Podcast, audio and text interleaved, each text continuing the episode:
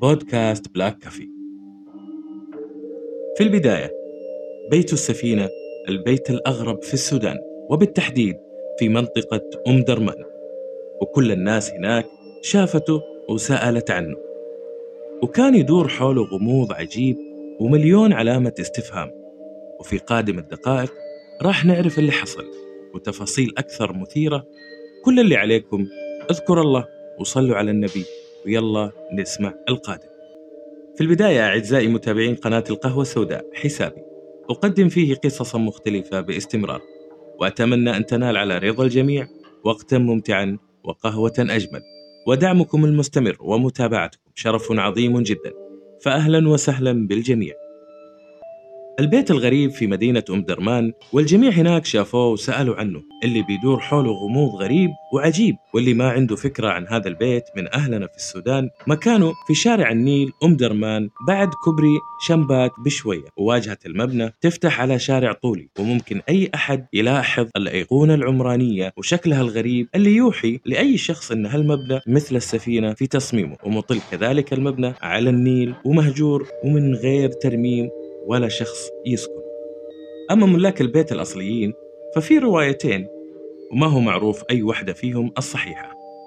الرواية الأولى تقول أن البيت في الأساس لعائلة قبطية سابت السودان كلها وتركت البيت. أما الرواية الثانية تقول أصحاب البيت سودانيين بس برضو غير متواجدين في السودان. ولما رجعوا البلد لاحظوا الظواهر الغريبة في البيت وما قدروا يسكنون فيه. كمان في مقال صحفي مكتوب قبل ثمان سنوات تقريبا قالوا أن الروايات هذه من تأليف سماسرة وإن كل الكلام عن البيت غير صحيح. لكن اللي نقل القصة الجميل محمد العربي يقول تواصل مع ناس قالوا له قصصهم وبيحلفوا بالله إن الكلام صحيح وحصلت معاهم شخصية.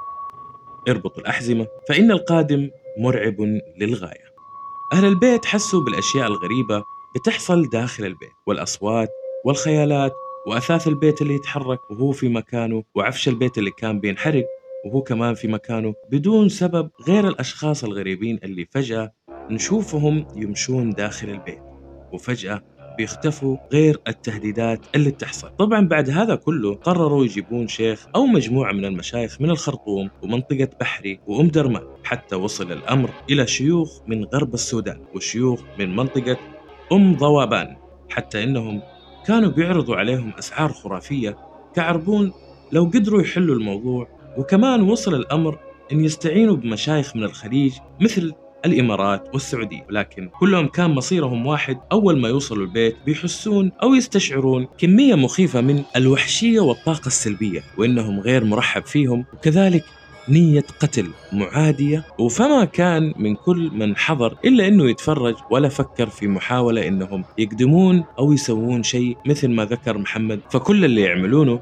إنهم يتعذرون ويمشون وما يفكرون يرجعون مرة ثانية، كان بيلمحوا أو بيحاولوا يقولون إن البيت هذا مكانه في منطقة تعتبر بوابة بين عالمنا الحقيقي وعالمهم، فمستحيل تكون عائلة واحدة تسكن هذا البيت، يمكن تكون قبيلة كاملة ساكنة البيت هذا. حاولوا بعدين يجيبون غفير اللي هو حارس طبعا لكن كلهم كانوا ما يكمل يوم واحد ويهربون وإذا سألوهم ما كانوا يتكلمون عن اللي صار لهم تماما في داخل البيت. إلا حارس واحد بس وهذا الحارس عنده أشهر قصة واللي تداولها كم شخص بنفس التفاصيل. الغفير أو الحارس اسمه عبد الله رحمة الله عليه. كان إنسان مؤمن بالله سبحانه وما يخاف من شيء وهو تقريبا الوحيد اللي قضى أطول وقت في بيت السفينة. يقول عبد الله من أول يوم جيت فيه البيت كنت أسمع أصوات أطفال وأشوف مخلوقات وأشكال أول مرة أشوفها. ناس تمشي وأطرافها مقطوعة وحيوانات كثيرة مستحيل تكون موجودة في هذا المكان. كمان قال عبد الله رحمة الله عليه إنه مرة شاف أسد. نعم شاف أسد. ولما قرأ القرآن الكريم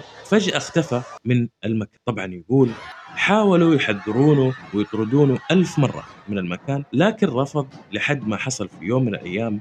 الجيران سمعوا صوت صراخ لما وصلوا لعبد الله في داخل البيت لقوه ميت قدام الباب ومحروق وما في أي أثر نار في الأرض.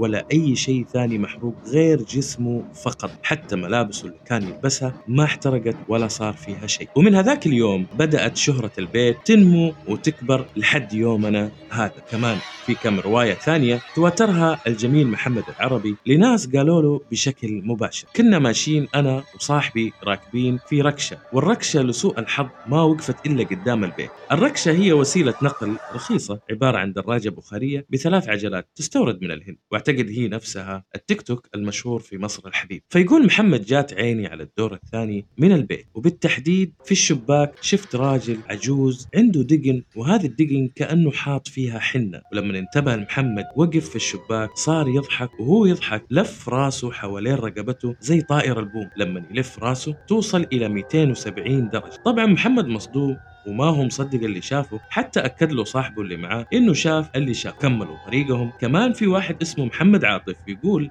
كنا دايم نمشي ونلعب تمرين كرة قدم في الليل ولما نكون قريبين من هذا البيت يجينا شعور غريب. يقول في يوم من الأيام كنت راجع فجات عيني على سطوح المبنى. شفت بنت واقفة وشعرها مغطي عيونها ولما التفت على الشارع ورجعت عيني مرة ثانية لنفس المكان أطالع ثاني لقيتها فجأة في لمح البصر في الدور الثاني. وللمعلومية السطح يعتبر الدور الرابع. وكمان قبل سنة مجموعة شباب سمعوا عن البيت وجايين يكتشفون المكان. ما أقول إلا الله على إحساسكم بس.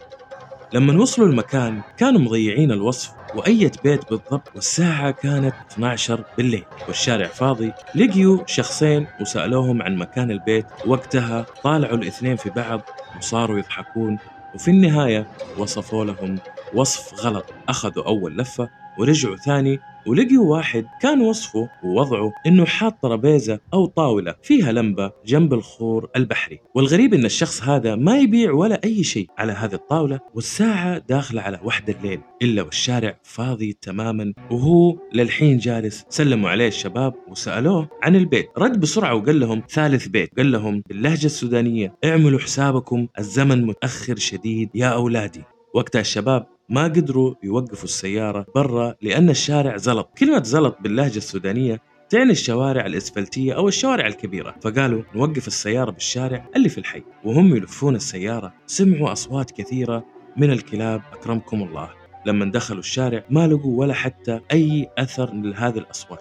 هنا الشباب بدأوا يستغربون من اللي قاعد يحصل. وبعد شوية حسوا كأن أغصان الشجر تضرب سقف السيارة بقوة زي كأنه في شيء فوق السيارة ينطنط. مع العلم ما كان في هواء قوي لدرجة يحرك الأغصان بالقوة هذه. نوروا الشباب بالكشافات اللي كانت وقتها معاهم على الشجر وما كان في أي شيء. وهنا قرروا الشباب يرجعوا نفس المكان والشارع اللي كانوا واقفين فيه. ولما طلعوا على الشارع ما لقوا الرجال اللي كان قاعد بترابيزته أو طاولته موجودين اختفوا تمام وهم واقفين في نفس الشارع وبيصوروا بعضهم ويتكلموا على اللي حصل لهم. سمعوا صوت الكلاب مرة ثانية يقرب عليهم من الشارع. وقتها كانوا كلهم في السيارة وشوية اختفى الصوت وطلع رجال من الشارع ماشي.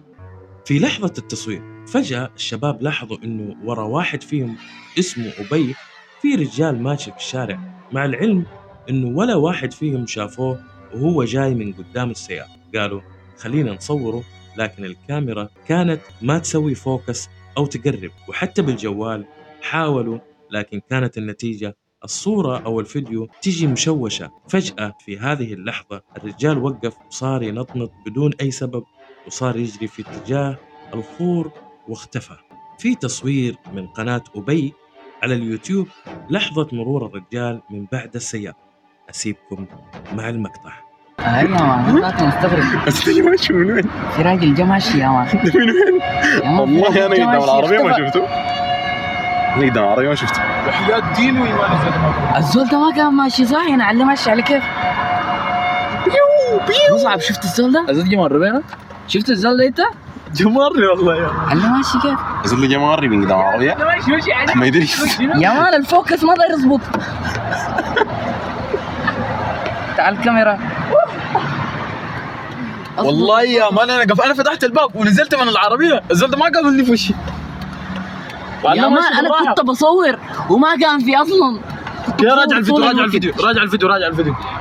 ما كان في في الفيديو الزول ده. هسه أنت مصور بالفوكس؟ جايب جايبه بالفوكس؟ هسه الفوكس طش الحين قبل شوي كان ظاهر أنا يا مان كذا أشوف احتمال أخش وقف البيت. الفيديو دقيقة وقف الفيديو دقيقة جيب الفيديو جيب الفيديو.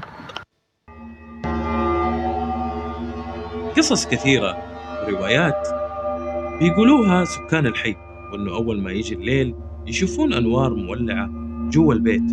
ومرات يسمعون صوت أغاني وأحيانا يشمون ريحة بخور جوا البيت. حالة غموض كبيرة حوالينه. كذلك الروايات كثيرة. شكرا للجميل العربي على نقل القصة.